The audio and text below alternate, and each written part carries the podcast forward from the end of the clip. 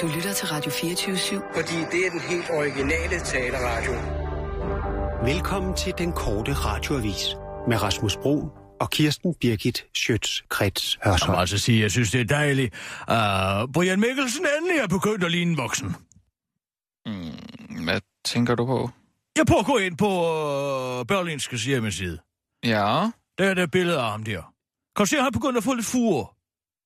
Han er begyndt at få lidt fure i ansigtet.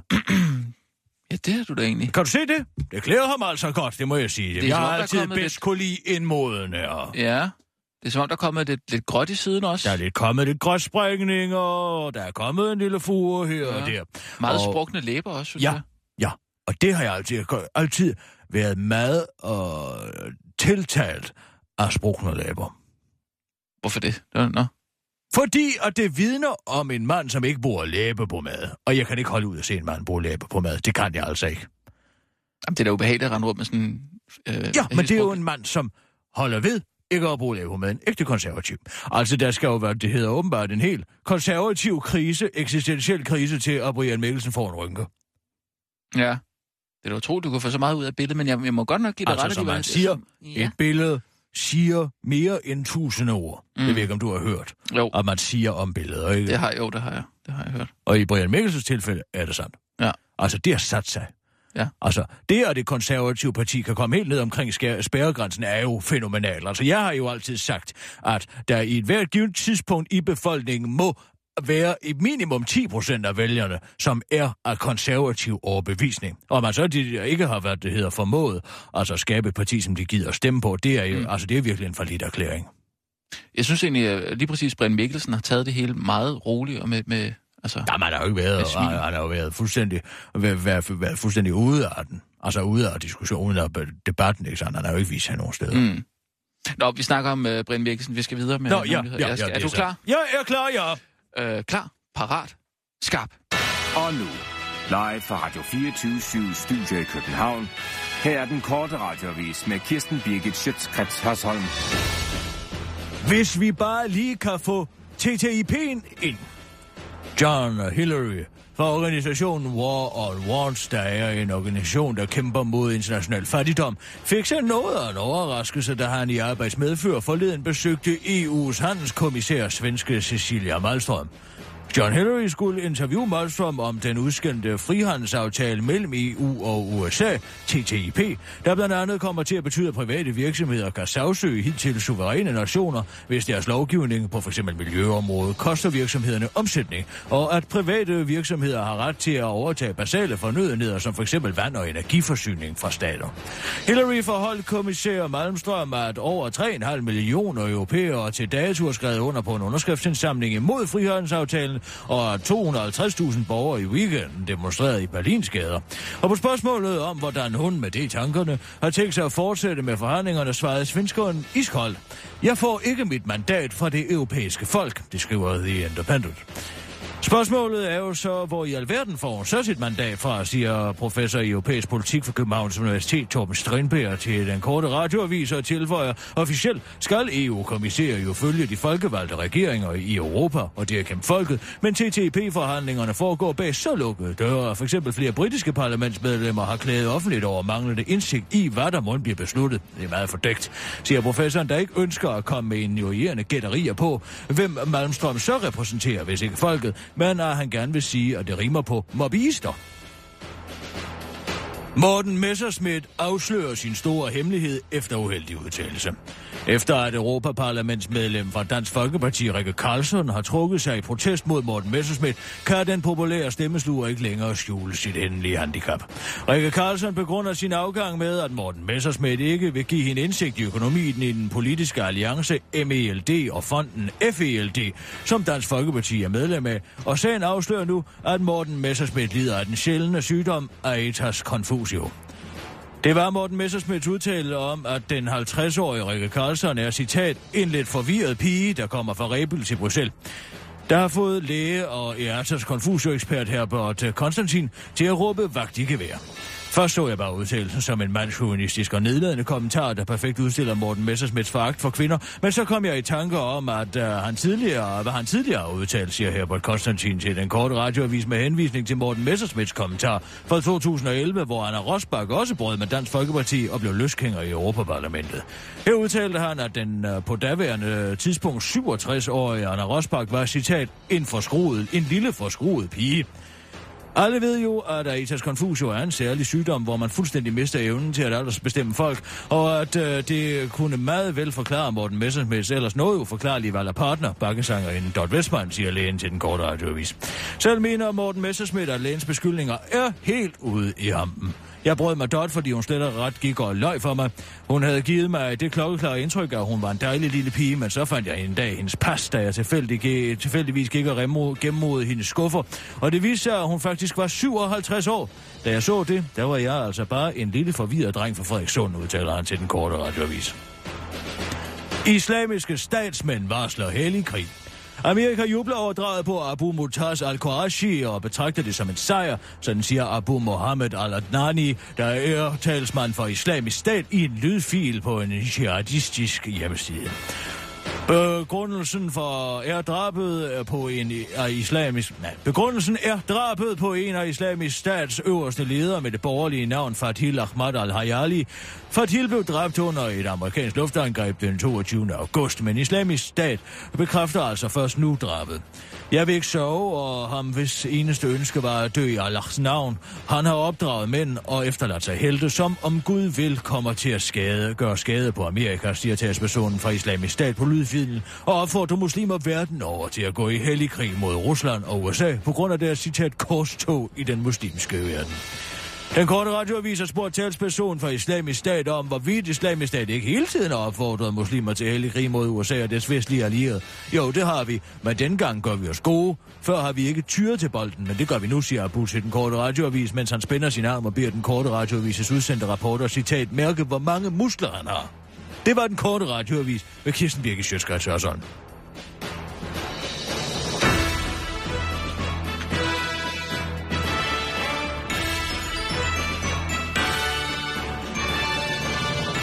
Og vi er ude. Og Sissel, næste gang vi har nyheder, så må du altså gerne lige skrue en lille smule mere op for underlægget. Lidt mere op for under. Lille bitte smule. Der var lidt for lav i dag. Ja, det gør jeg. ikke også? Mm. Så når vi tager den næste her om 8 minutter, så skruer du lige lille smule mere op Det for underlægget.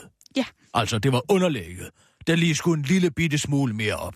Når jeg taler, når altså jinglen kommer til at begynde med vignetten, den er helt fin. Men når jeg taler, skal den lige lidt mere op, for jeg har en meget bombastisk og gennemstrængende stemme. Jeg, har, og jeg projicerer som en operasanger simpelthen. Jamen, ja. Du har også en meget flot stemme. Tak. Og jeg vil også gerne lige rose din øh, arabiske udtale. Jeg synes, det er øh, imponerende, som du... Øh, jeg rammer den alligevel. Jeg fanger det der Ja. meget, det der meget aggressive sprog, de har, ja, synes jeg, meget ja, godt. Ja, det, er, ikke? det er aggressivt. Jo, det er et meget aggressivt sprog. Altså, og det kan, man, det kan man altså fornemme. Også i deres handlinger jo, som de er også meget aggressive folkefærd, ikke Nej, det var ikke det, jeg lagde op til overhovedet. Jeg sagde bare, at du havde en flot udtale. Men taler du arabisk egentlig? Ej, altså nogle få. Jeg kan gøre mig forståelig, altså spørge, hvor er biblioteket? Så kan de selvfølgelig, det har vi brændt ned. Men altså, du ved ikke, jeg kan komme rundt og sige, hvor er hovedbanegården? Den er vi sprunget i luften. Kunne de så for eksempel svare, ikke? Altså, Mm. Ja, det var ikke en anledning til, at du... de er jo ikke så glade for fungerende infrastruktur. Nej, okay, Kirsten, vi skal ikke Eller ned. historiske sæder. Ja. Det er godt, de ikke har en marguerite-rute. Nu skal vi ikke ned. Så var den der gået i luften for længst. Mm. Hvad siger du til hende, uh, Cecilia Malmstrøm der? Hvad siger du så? Det Øh, er det glade vanvid. Ja, Altså, at man Jamen, jeg- siger ordret, jeg får ikke mit mandat fra det europæiske folk. mm. Man har vel ikke sådan valgt ind på den måde? Nej, hun er jo ikke valgt ind, men hun skal jo følge altså de europæiske regeringers anvisninger, og ikke sandt. Jo. Og det gør hun jo altså ikke, og det er jo så de facto, altså derigennem, altså folket, hun skal følge. Og det, Ja. er, det er jo fuldstændig vanvittigt at sidde og Men udtale hvorfor den siger, hun, hvorfor siger hun det egentlig? Ja, fordi hun bliver jo forholdt, at uh, af ham her, John Hillary, Ja. han siger jo, men altså prøv at høre her, I gang med at lave en aftale med mm. USA, som altså så mange europæere er imod. Det er jo den mest altså opponeret imod og ha- handelsaftale og lovgivning, der nogensinde var har været. øh, de 3,5 millioner underskrifter, det er altså mange. Det må man altså lige Ja. huske Var på. det ikke den, der blev droppet, eller hvad?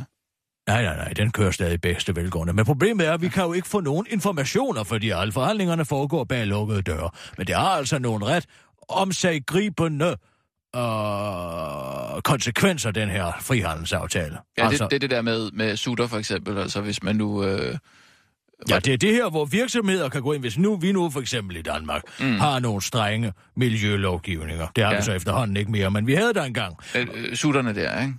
Ja, du kan tage det som eksempel, at Ja. der er en producent af sutter, ja. Som siger, jamen på grund af jeres lovgivning, så mister jeg et helt marked i Danmark, hvor jeg kunne have solgt så så mange millioner mm. sutter. Det er så helt sådan. Eller ikke så mange, fordi vi ikke får så mange børn. Men også, det kan være hvilket som helst område. Det kan være køleskab, det kan være hvad som helst. Så kan de Mm. sige, jamen vi, hvis I ikke havde haft den her lovgivning, ville vi have tjent så og så mange penge i Danmark. Ja. Nu har jeg hostet op med de manglende penge. Ja, det er meget mærkeligt. Jeg forstår det ikke helt. Jamen, det er jo fordi, det er det glade vanvid. Og hele det, som det her vidner... Men hvorfor skulle det, her, man- det, som det her vidner om, det er jo, at den her handelsaftale bliver ikke begået af folk, som er det europæiske folk i mente. Det er jo derfor, hun siger... Altså, hun kommer jo til at sige, jeg handler ikke på mandat for det europæiske folk. Hvem handler hun så om? Altså, det er jo ligesom uh, Jean-Paul Sartres, jeg kan ikke lide kaffe uden... Jeg skal have min kaffe uden fløde, ikke sandt? Altså, når man siger... Øh, altså, kaffe uden fløde er noget andet end kaffe uden mælk, ikke? Det var det, han prøvede. Og, og, og altså, det her med, at der, Ja, ligger, der er der, ligger, der ligger, en, forskel der på- ligger på fløde information og- og fløde og skjul, mælk, ikke? skjul i, hvad man ikke vil have. Men hun siger, jeg får ikke mit mandat fra det europæiske folk. Jamen, hvor får hun så mandatet fra, ikke? Og der ligger svaret jo også lige til højre benet, vil jeg sige. Og det er jo altså lobbyister. Ja. Ikke sandt? Altså, Jo, men jeg det forstår jo- bare ikke, hvorfor, hvorfor er det, vi... Altså, er vi med i den der aftale? Ja, ja, ja, Jamen, det hvad, er hvad er det, vi får ud af det? Jamen, vi får intet ud af det som folk. Vi får øh, det men ud af det, at det private... Fordi at den bliver skrevet af lobbyister, og den bliver gennemført bag lukkede døre, Rasmus. Altså, der er europæiske eller britiske parlamentsmedlemmer, som siger, må vi have lov til at se, hvad den øh, Men hvad aftale skulle indeholder? danske politikere have... Øh, hvorfor skulle de have interesse i det? Fordi det kommer jo til at gå ud over Danmarks suverænitet. Hvis vi kommer til at koste os på pengepunkter og have en miljølovgivning, som vi nu engang har besluttet at have her i det her land, Mm. og så der kan komme udenlandske virksomheder ud og ramme os økonomisk på at have den miljølovgivning, så har vi jo altså de facto ikke den miljølovgivning mere, vel? Nej, men hvorfor vil man så gerne have den aftale? Det Jamen, det vil man jo heller ikke. Det er jo derfor, at uh, parlamentsmedlemmer fra regeringer i hele Europa siger, kan vi nu ikke få noget at se? Og så siger de, nej, det kan vi ikke. Det er hemmelige for- forhandlinger af folk, som ikke er folkevalgte. Og som tydeligvis ikke har nogen respekt for deres... Så må øh, Margrethe jo gøre et eller andet. Jamen, Margrethe er jo bare konkurrencekommissær. Og hun har bare interesse i at få hendes CV til at se godt ud. Hende her, hun er på vej direkte ud i noget, altså. Det er meget, meget, be- meget, meget bekymrende. Det er meget, meget bekymrende. Mm. Og vi kan, ikke- vi kan ikke stille noget op. Vi kan ikke stille Nej. noget op. Det er et tog, der er kørt. Ja. Men altså, vi kan selvfølgelig stadig få gjort noget. Gud, Hvad nu? altså, Hvad nu? EU-afstemningen den 3. december. Ja, ja. På Det er jeg med- Justitsministeriets hjemmeside har vi fået svar. Har de svaret, Sissel? Har vi fået svar fra Der er ikke kommet Justitsministeriet? noget svar endnu. Jeg har virkelig sendt til mange mailadresser. Er det det her med deres grafik? Ja, det er det med deres grafik. Altså, man kan ikke have hvad der på overfladen går for at være en folkeoplysende mm. øh, kampagne om konsekvenserne ved henholdsvis et ja eller nej til den folkeafstemning, hvor at nej er mørkere end ja. Nej, men du har ikke fået svar. Jeg har ikke fået svaret. Nå, så må vi jo bare vente til de Sissel, vender tilbage. Ring lige tilbage til dem. Ja. Du, du vil ringe til dem nu? Ja, jeg vil gerne ringe til dem nu. Det er bare... Du har ringet til Justitsministeriet oh. og Udlænding, Integration og Boligministeriet. Oh. Er det henvendelse vedrørende indfødsret, statsborgerskab eller dobbelt statsborgerskab? Ring venligst til indfødsretskontoret alle hverdage i tidsrummet 9-12 på 72 26 87 00, 72 26 Vi sætter nogen, 87 der 00, smisker dog i baggrunden. hvor der er lukket. Drejer din henvendelse sig om andet?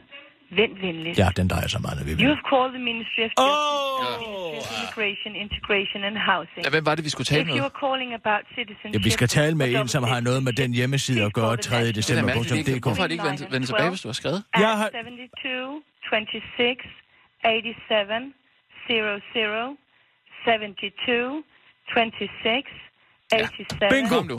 00, except Wednesdays as they are closed. Is your inquiry Mm. about other? Please hold. Vi lukker Var der lukket? Sagde de, det var lukket? Om onsdagen? Åh, oh, nej. Det er Justitsministeriet. Ja, goddag. Du taler med Kirsten Birke Sjøtskreds Hørsholm fra Radio 24 Jeg arbejder på programmet Den Korte Radioavis. Ja, goddag.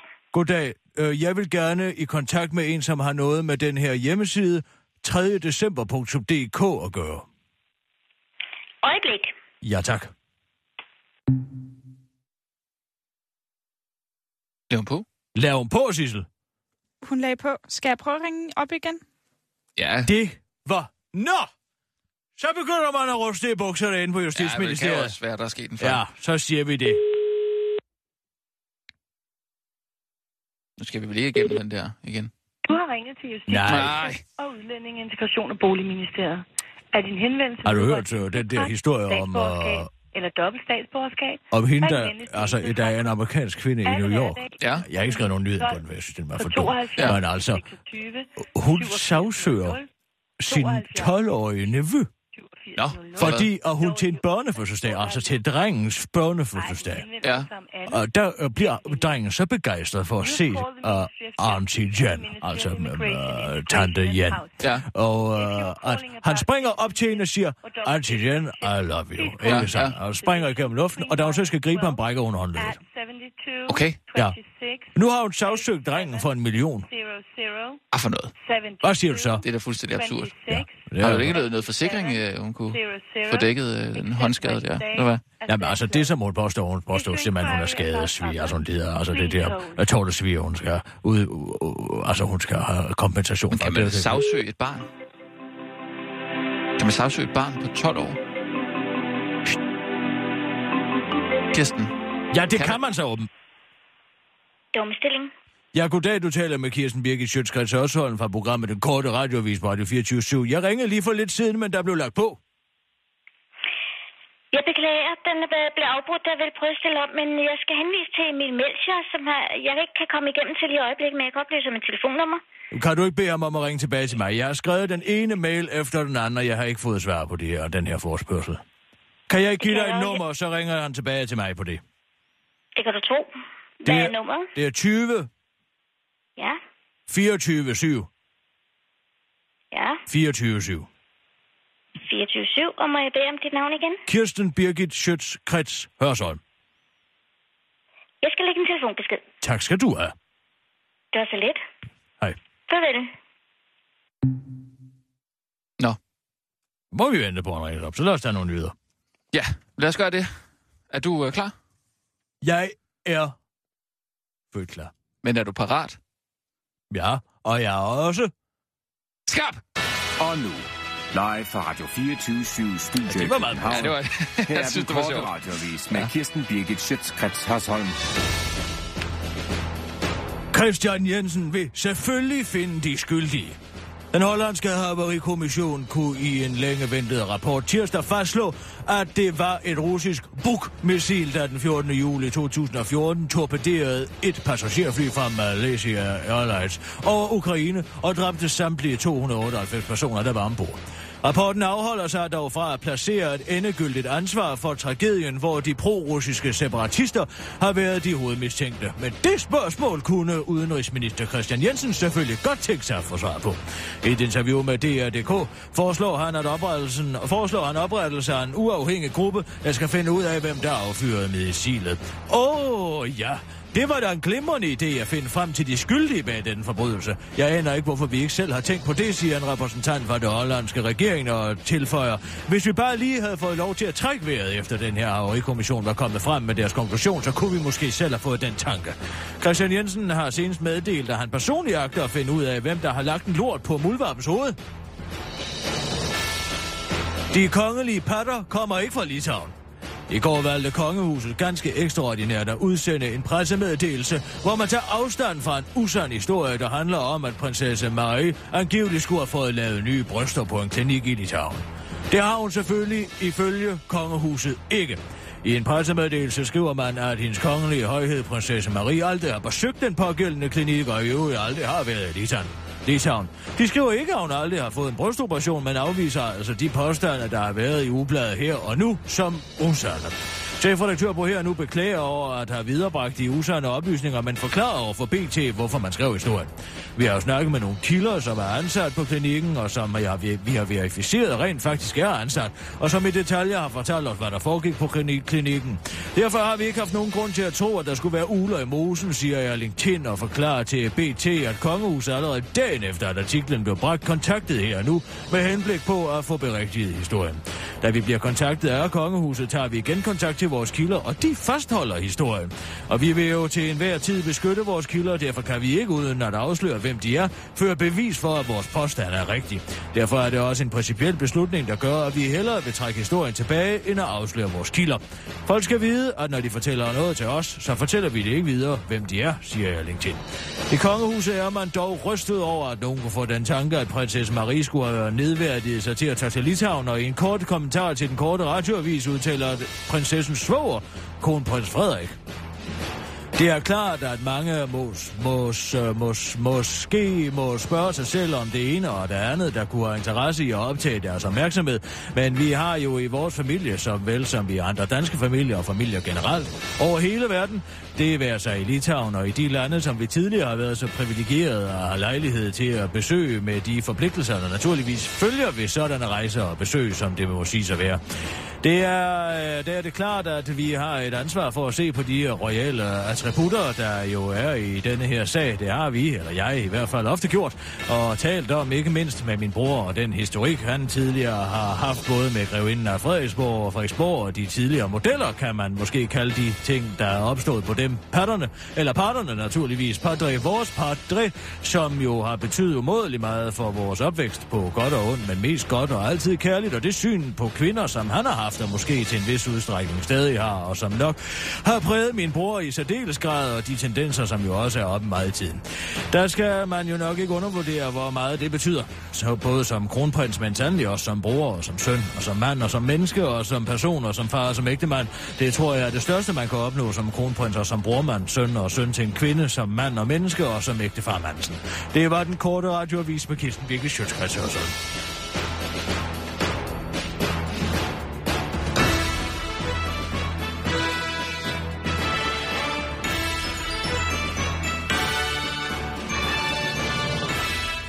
Ja tak, Kirsten. Hvad piper du med, Sissel? Jeg har fundet nummeret på ham der Emil Melchior. Han er, han er kommunikationschef inde hos Justitsministeriet. Ja, men det er godt. Så Skal jeg ringe ham op? Jeg ringer du bare ham op. Jamen, han, han, vil han ikke ringe tilbage? Ja, men altså, så kan jeg jo lige så godt komme med min forkøb, ikke?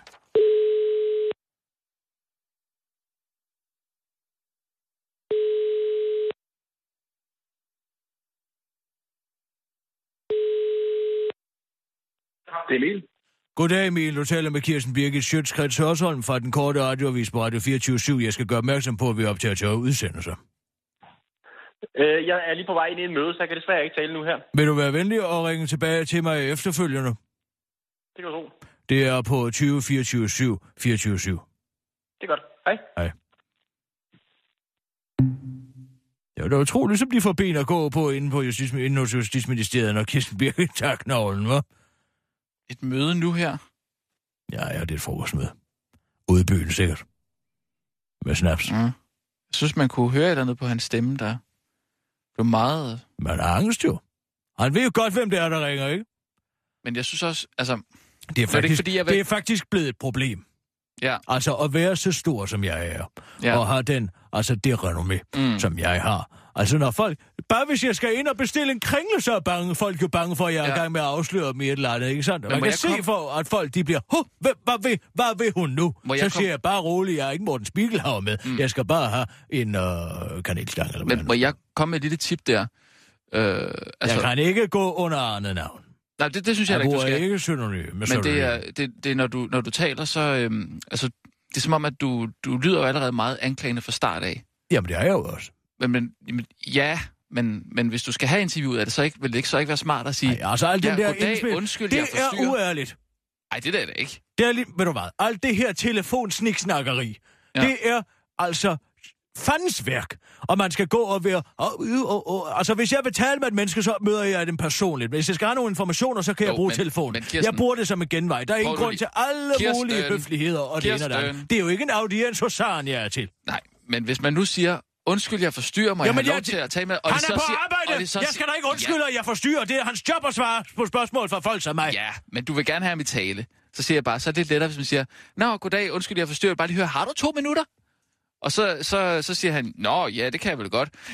Og så kan du stille de der kritiske spørgsmål. Så har han jo sagt ja. Altså, jeg Så- skal lave en trojans hest. Ja. Og hvorfor taler du egentlig ikke med, med aarhusiansk øh, accent? Folk, folk har meget mere tiltro til jyder. Og skal jeg stå og spille fandango? Telefonisk fandango, for at få det, som jeg vil. Det kan Nej, ikke være rigtigt, der- at man skal gøre alle mulige krumspring Jo, men for det- at det- komme ind. Det der er almindeligt kendt, at telefonsælgere og sådan noget, de slår lidt over i jysk, hvis, øh, hvis de skal øh, prøve at sælge noget til, til folk. Altså, folk har meget mere tiltro til jyder. Det, det kender jeg også fra mig selv. Hvad, hvad, Altså, så hvis, hvis der var en, en, en lille jysk pige, som talte jysk til dig, så ville du tro, det var indsmirrende frem for sådan en københavnsk accent. Jeg taler godt- ja. et rigsdansk, fordi jeg er oplært i journaliststanden, og dengang man stadig gik op i, at folk talte et korrekt dansk. ja, men øh, når du taler i radioen, så er det selvfølgelig fint nok. Men hvis du skal have et interview igennem, så siger jeg bare, så, det, så vil det måske være en fordel at slå over i noget jysk. Sådan, øh, så kunne man sige... Altså, prøv at høre her. Det Ja, her, det- goddag. Du taler med Kirsten Birgit Sjøtskreds Hørsholm. Øh, jeg skulle bare lige... Der er der jo ikke nogen, der er på vagt. Står du og gør nær? Står du og gør nær Kronjylland? Hvad? Det er da ikke at holde ud og høre på, det der. nej, men sådan lyder det da. Det er da jysk. Nej, nu må du holde op. Hvad er det for noget københavnsk snopperi? Det, det, det er det da ikke. Jeg, si- Så vi har sendt en Taler flok ikke sådan lallende bø, bøv derovre. man siger der ikke og alt muligt. Har du nogensinde været i Jylland? Altså, nu bliver Ja, jeg det at har jeg. Har du nogensinde været derovre? Ja, altså... Jeg tror, du skulle prøve at tage dig over igen. Og der er det glade Til- vanvid. Prøv lige en gang at ring til nogen, og så sige... Goddag. Du taler med... Altså, altså... Jamen altså, du kan godt stikke pipen, min kammerat. Det bliver der ikke noget af. Men det er bare et tip. Tag det, hvis du har lyst til at Jamen bruge... tak. Og nej tak. Godt. Nogen burde jo lære Lene Balleby i det kongehus, at man ikke skal lave en Barbara Streisand. En Barbara, Barbara Streisand. Hvad er det? Altså, den her pressemeddelelse med de patter der. Altså, ja. det er jo et skud direkte ned i foden. Altså, alle vi mennesker, som ikke læser her og, nu, og her og nu, det vil jo have været gået vores næse forbi. Men nu, når ko- kongehuset går helt ekstraordinært ud og laver en ekstraordinær altså pressemeddelelse, mm. hvor de forlanger dementi, og, øh, og siger, nej, men altså, pr- pr- pr- prinsesse Marie har aldrig været, øh, øh, Marie, Ma- Ma- Ma- Marie, Marie. Marie har aldrig været i Litauen, og øh, alt det her løg. Det er en klokkeklar Barbara Streisand. Det hedder Eller det. Hvor kommer Barbara Streisand ind i det? Ja, Barbara Streisand, det er faktisk en sjov historie, men altså, det, det, nu får du lige en etymologisk forklaring på, hvor det kommer fra, Ja. det er udtryk. Ja. Men altså, det, det forholder sig jo sådan, at jeg tror, det var tilbage i, ja, det må være tilbage i begyndelsen af nullerne, hvor altså øhm, det, øh, den amerikanske kystbeskyttelse skulle tage... Åh, ja, det... Hvorfor griner du allerede? Nå, men jeg, jeg er bare spændt på, hvordan Barbara Streisand høre ind nu efter, hvad, jeg, hvad jeg siger. Ikke? Altså, Barbara Streisand har jo et estate, som det hedder, altså en grund, altså mm. et, et, et, et hjem oppe ved uh, Malibu, uh, nord for uh, Los Angeles. Malibu, ja. Nord, ja, det er faktisk nordvest for, det ligger jo lidt inde i Angeles. ja. Mm, ja. Nå, men hvor man alting er, der, der, så skulle det uh, amerikanske kystbeskyttelsesværn, som jeg har glemt forkortelsen af, et eller andet langt, og øh, de skulle altså fotografere kysten, ikke mm. sandt? Men der i blandt de satellitfotografier var naturligvis også et billede af Barbara Streisands estate, så at sige, ikke Okay, sandt? ja.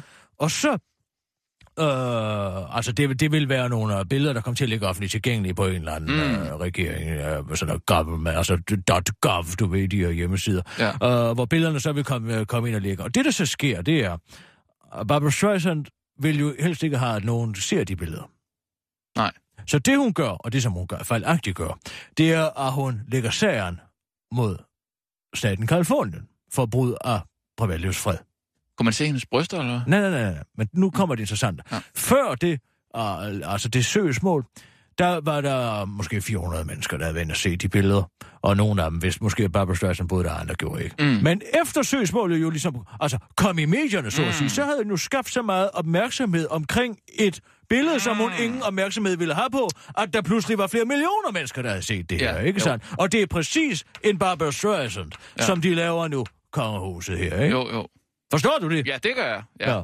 Ja. Det er derfor, at man skal prøve at holde sin kæft nogle gange. Altså, det, det var lidt det samme som altså, Nasser kom til med hele det her sorte arbejde sag her, hvor han gik mm. i krig med, uh, med Henrik Kvartrup mm. tilbage i Ny Alliance-tiden, hvor Ja. han og, uh, hvor han uh, og uh, Anders Samuelsen dolkede Gitte Seberg efter ryggen. Mm-hmm. Og, og der altså, hvis han bare havde lavet den fare, Ja. så man skal ikke tage de konflikter der. Man skal kun tage konflikter, man kan vinde. Ja, det siger Sun Tzu, ikke sandt? Mm. Kend din fjende. Nå. Jeg tror du, hun har fået lavet bryster? Ja, det har hun jo givetvis, fordi de dementerer jo kun, at hun aldrig har været i Litauen, og hun aldrig har været på den pågældende klinik. Nej. Så, Ikke men sandt? hun har ikke fået lavet øh, bryster i Litauen i hvert fald. Nej, hun har sikkert fået dem lavet og i Danmark hos en dygtig mm. kirurg, ikke sandt? Hvorfor vil man også tage til Litauen og få lavet bryster? Jamen, altså, der er mange, der går, det er billigere, altså Jo, men det er øh, hun tænker på. Tror du det? Nej, de har selvfølgelig lige fået Abomination sat op. Det, jeg ikke forstår i alt det her. Ja. det er altså kvinders og mænds, altså perpetuelle fornægtelse af kroppens forfald. Altså, vi ved jo alle sammen, at vi er fra den dag, vi bliver født, der går det kun en vej. Mm. Og det er ned ad bakke.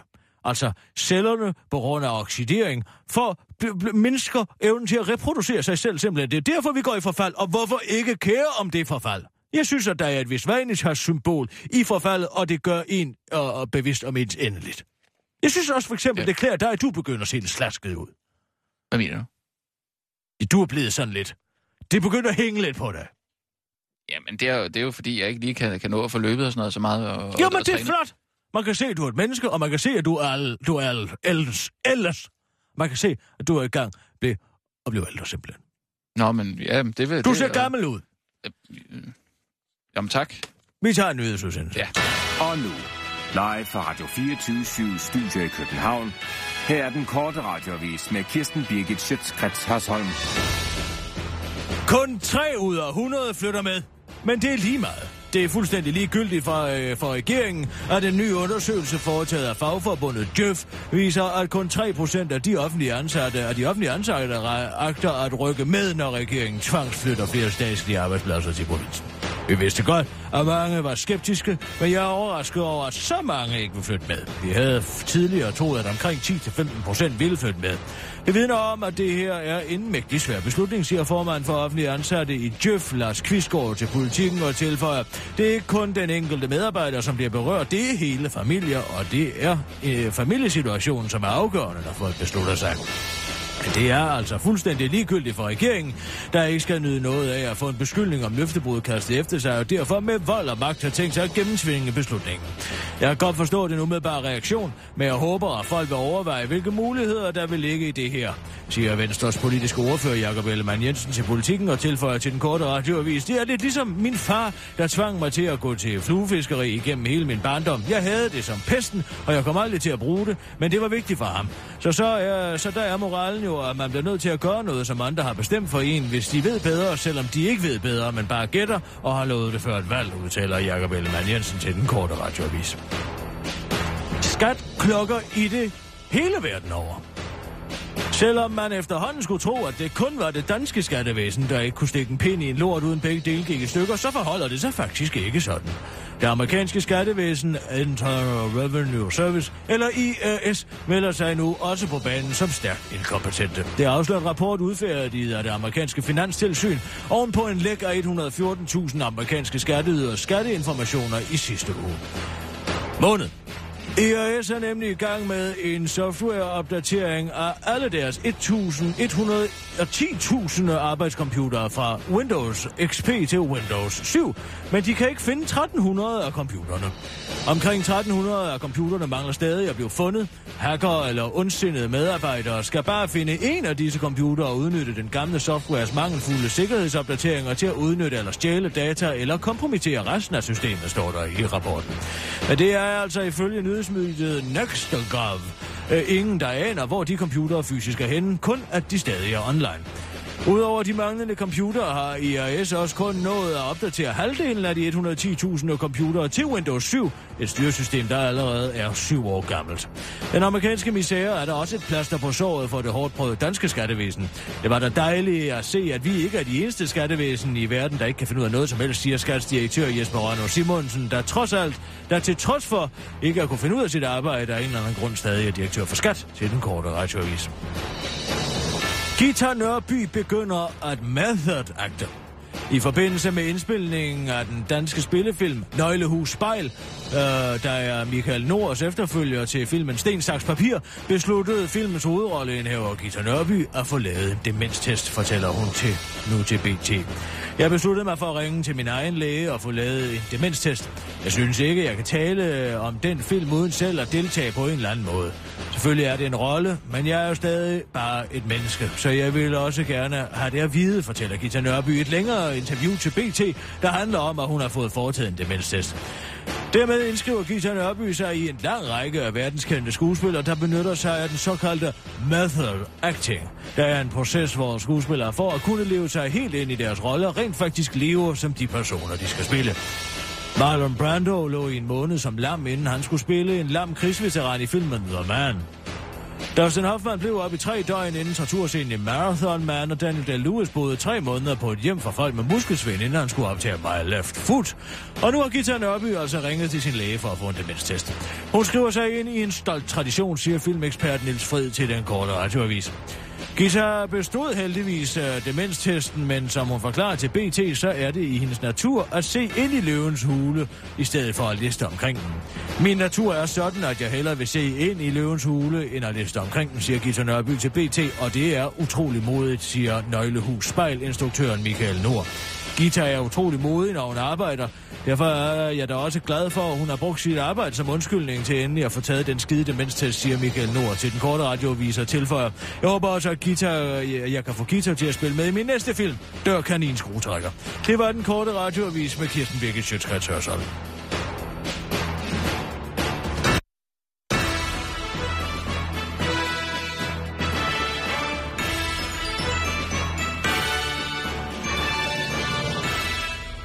Ja, så er vi ude.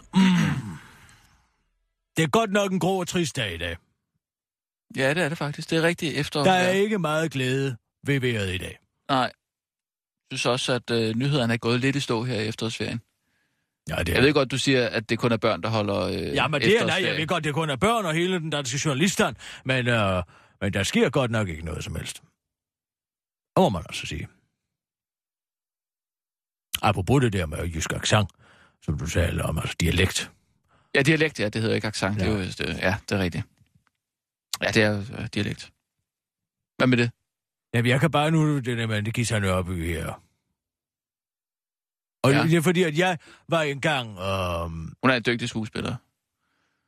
Ja, men det er det, der er lidt morsomt, altså, for jeg var i gang. Jeg var til, kan du huske uh, Nils Malmor, som ved du godt, hvem jeg er, ikke? Jo, filminstruktøren. Ja, ja, filminstruktøren Nils Ja, ja, Malmor. hans film har aldrig rigtig sagt mig noget, må jeg sige. Vi har, man har Nej, set dem i, i ved skolen. du hvad? Heller ikke mig. Altså, Nej. det som er med... uh, Altså, han, har- uh, hans tempo er helt væk. Altså, det er det, som Ja. er... Han, det har han ikke har forstået endnu, og Mm. det har, så har jeg faktisk sagt til ham med flere lejligheder. Men det er, han instruerer jo altså på en meget øh, serien måde, Mm. mm. som er, at han siger altså alle replikker, inden Ja, skuespilleren skal sige dem. Ja. Altså sådan så han er sikker på, at de leverer dem på præcis Ja, ja, samme måde, som Men han det er jo- gerne vil have det. Ikke? fordi og det er så børn meget, jo. meget diktatorisk. Ja, det er fordi, det primært er børn, men det han aldrig har forstået i efterredigeringen, det er, at man kan jo tydeligt høre på dialogen, at skuespillerne godt ved, hvad der bliver sagt, fordi der er ingen betænkningstid. Altså, Mm. hvis jeg nu sagde til dig, altså læg mærke til det, når du ser hans film. Ja.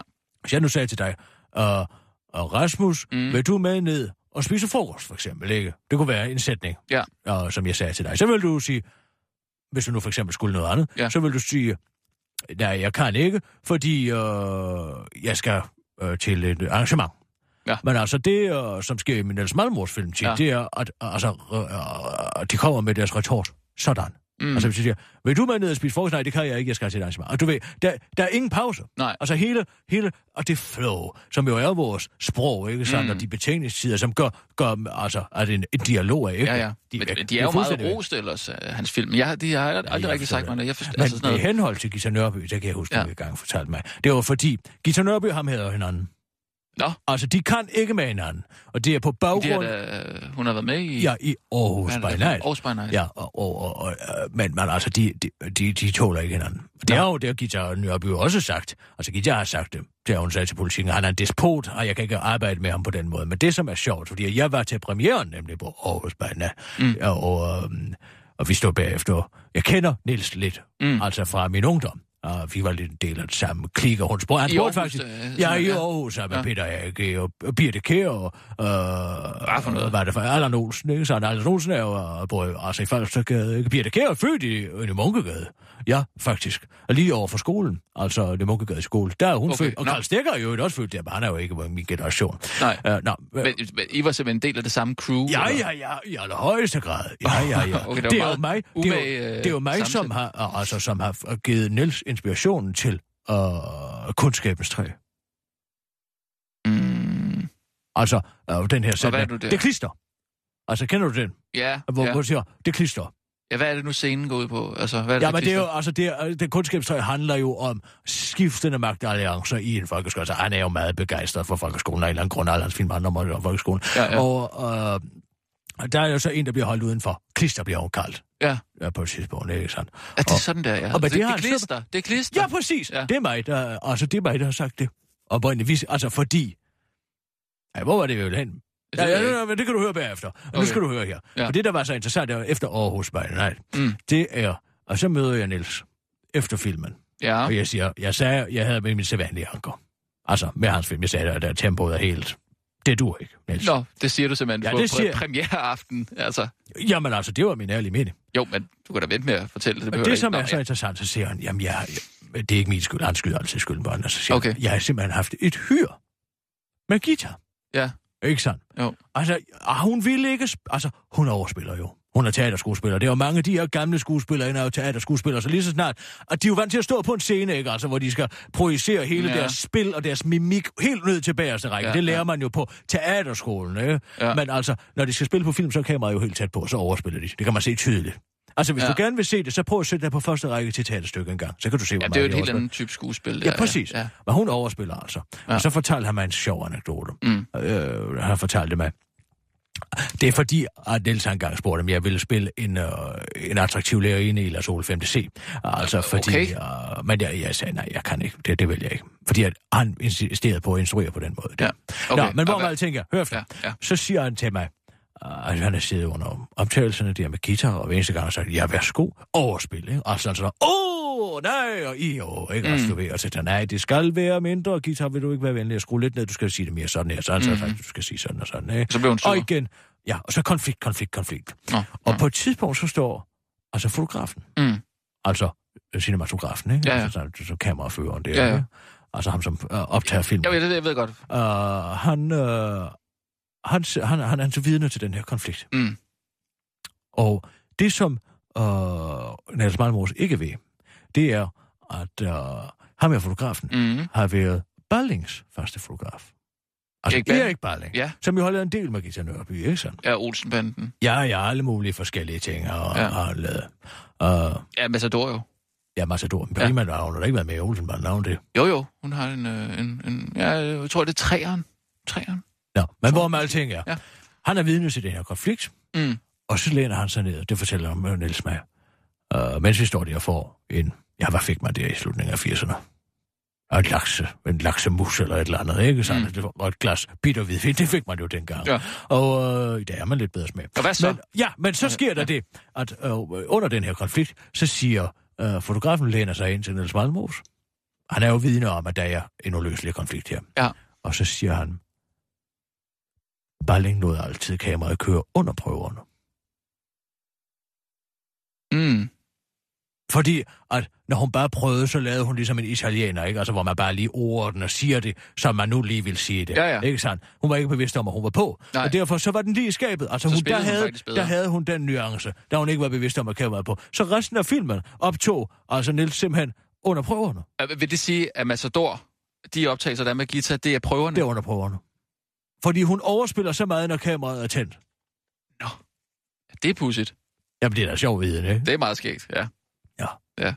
Hvad, hvad, hvad, hvad var det, du sagde med, med det der, øh, det, det klister der? Ja, men det er jo fordi, at jeg var jo en del, kan man godt sige, af det pulserende bohème-miljø i Aarhus, da jeg var en ung pige i begyndelsen af 20'erne. Okay. Og, altså ikke i begyndelsen af 1920'erne, men i begyndelsen af mine Nej, nej, 20'ere. ja, selvfølgelig. Og øh, så gamle er heller ikke. Men altså, øh, der var vi jo altså Peter Ake. Peter Ake og jeg er faktisk samme alder. Det skulle Ja. man måske ikke lige tro. Nej. Men det er vi faktisk. Ja. Og han er man han er kommet med i, i Aarhus. Så var Allan Olsen var der, og, og så vi var alle sammen så lidt op til Birte, for Birte er jo lige, hun er for 48. Ja, Birte- hun Birte Kjær, Birte Kjær lige ja. lidt ældre. Og Og Hvad, hvad lavede I? Sådan? Jamen, så gik vi og røg cigaretter og drak rødvin og... Altså, du ved, alt det her, som bohemer jo gør, ikke? Ja, okay, ja. Og det var jo de unge dage. Og øh, altså, Birte kunne være en rigtig sæk. Ja, altså, virkelig en modbydelig kælling. Nå, okay. Altså, hvis man kom på den forkerte side af Birte, så kunne man, så kunne man få et fur. Det tog hun nu Det, aldrig med mig. faktisk- det, det er sjovt, det har virkelig svært ved at forestille mig, at hun skulle være sådan en, for Nej, hun men altid det er meget glad. Ja, ja, ja, men altså, og Birte er jo en fremragende sanger, det er jo der mange, der ikke tror på, men hun synger faktisk rigtig godt. Uh, men altså, dengang kunne hun virkelig have. Og hun havde simpelthen et horn i siden på Uffe. Uffe. På Uffe Elbæk. Uffe Elbæk? Ja, ja, på Uffe Elbæk. Og hun kunne køre en stemning op. Altså simpelthen, med, altså når Uffe kom, han ville jo så gerne være en del af miljøet, ikke sandt? Ja. Altså Uffe Elbæk. Ja, så ja. han kom altid ind, og han havde også godt øje til Peter og ikke dengang. Vi vidste jo alle sammen godt, hvilke tendenser han havde, ikke sandt? Okay, og han var ja. homofil, ikke? Ja. Men altså, dengang havde han altså... Homoseksuel, ikke? Hedder det bare. Der havde han altså godt øje. Så han var hele tiden med. Og der var det der, hvor jeg en gang, hvor vi sad altså på en beværtning og fik mm. et glas og sådan noget, og så kommer han jo listende ind. Og så sagde jeg, og fordi stemningen var jo ligesom kørt op, ikke? Altså, og Birte havde og talt om ham, og Peter A.G. synes også, at han var lidt, altså, omklamrende, ikke? Altså, hver eneste gang Peter var ude, så kom Uffe hele tiden og ville være med og alt det Ja, her, ja. og så går døren op, og så siger jeg Uffe, og så siger det er klister! Og så grinede de alle sammen.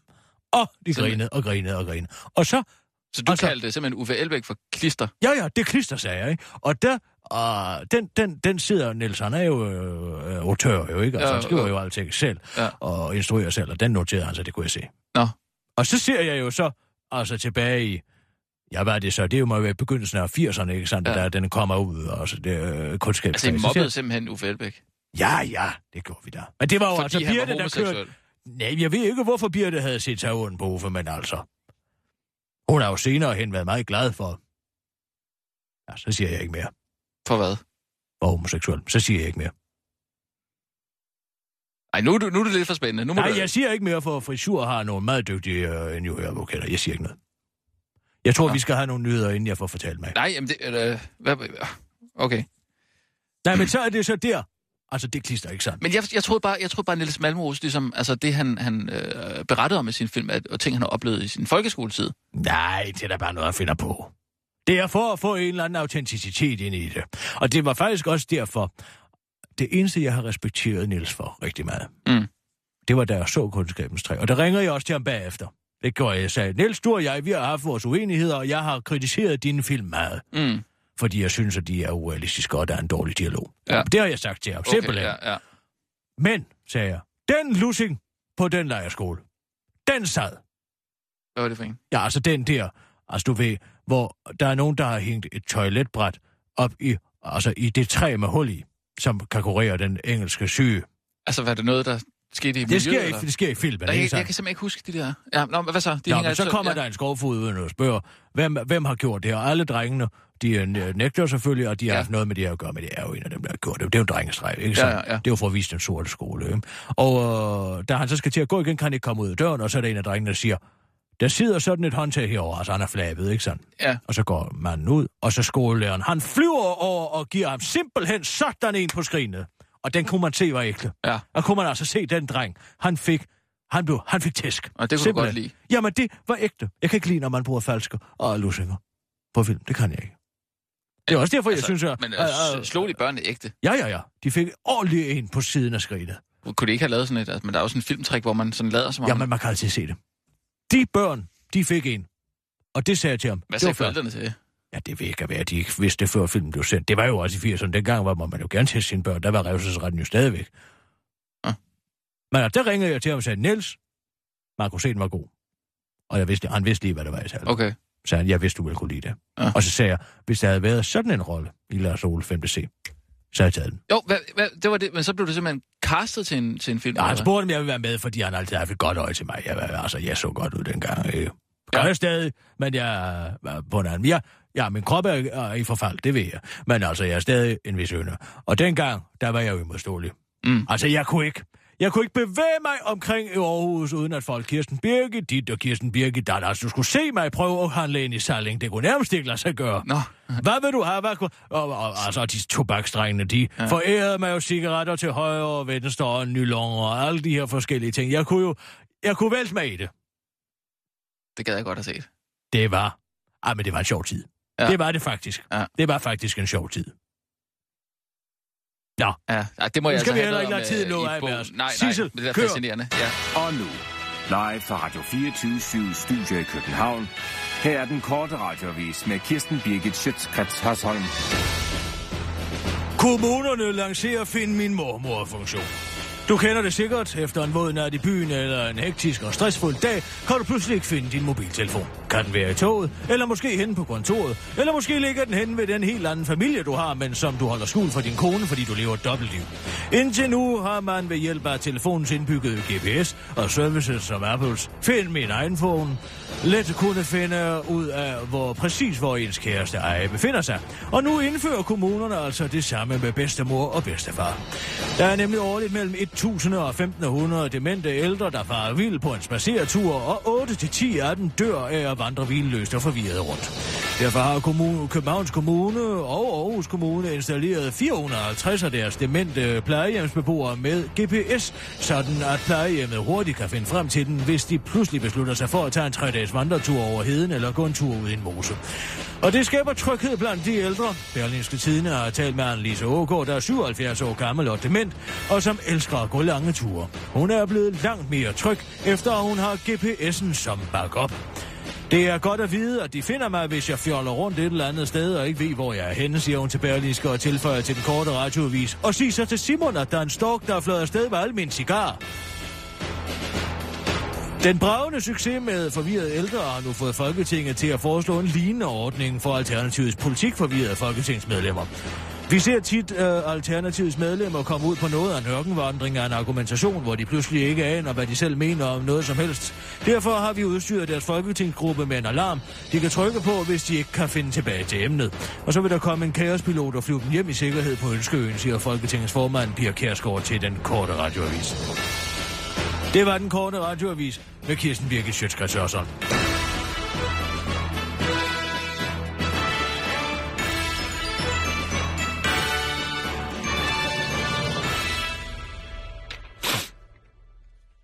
Yes. Det var det. Ved du hvad? Øhm, Jeg giver en god frokost i dag. øh, tak skal du have. Jeg tror bare, jeg skal, jeg skal nok... Øh, Jeg giver en god en med snaps og øl og hele meget.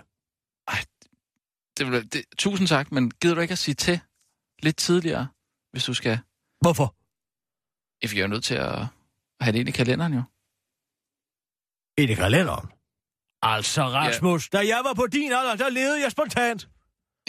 jo, Der kunne men jeg jo har så, heller nå, hvad, Ja. du, hvis jeg ikke havde haft viljen til at tage spontane beslutninger, så havde jeg ikke haft 75 procent af de bekendtskaber, jeg havde det. Hvordan tror du, jeg møder Ole Mikkelsen? Tror Ja, du, det er ved at aftale et møde i en kalender? Nej, men- det kan jeg love dig for, at det Nej, ikke er. du har heller aldrig Det er en badetur i men du har heller aldrig haft børn, jo. Altså, der er børn, der skal hentes, der er ting, der skal ordnes. altså, bare, altså, så må, der, så må du trække på din kone, kammerat. Jamen, jamen, det kan gør jeg så sandelig også. Det gør jeg så sandelig også. Altså, men, men tak for tilbuddet, men øh, det, vil- det vil være fedt, hvis... Så må jeg, jeg ringe. Sissel? Ja? Vil du med ud og have en ordentlig snapsefrokost? Ja, det vil jeg gerne. Tak skal du have. Nej, jeg, skal- det, kan, vi ikke, kan vi da gøre det i morgen? Ja, altså, nu har du sagt nej. Vi gør det i morgen. Nej, vi gør det i dag. Ej, kan... Og så god weekend. god weekend. Ja, god weekend. Vi ses på mandag. Det er onsdag. Ja, tak. Det er jeg beklager over, men det bliver en lang weekend for min vedkommende den her weekend. Hvad snakker du om? Jeg tror du, jeg skal være i det danske nyhedsbillede i morgen og i overmorgen. Og sikkert også og lørdag, lørdag og søndag med. så voldsom en, en, en tur, eller hvad? Er det det? Nej, jeg skal ikke have noget som helst med den her løve at gøre i Odense så. Den shitstorm og alt det, det kommer til at handle om. Det gider jeg ikke have noget med at gøre. Jeg holder mig væk.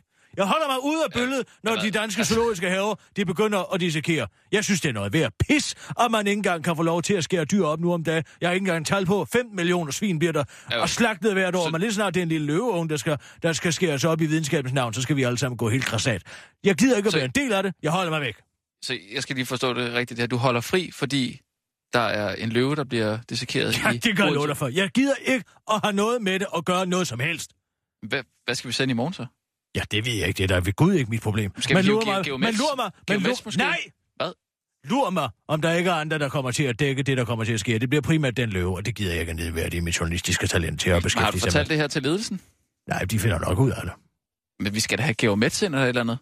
Ulla måske? Ja, hun kan bare prøve at udfylde min sko. Det bliver meget svært med de små fede under. Jamen så... God weekend! Jamen okay. God weekend.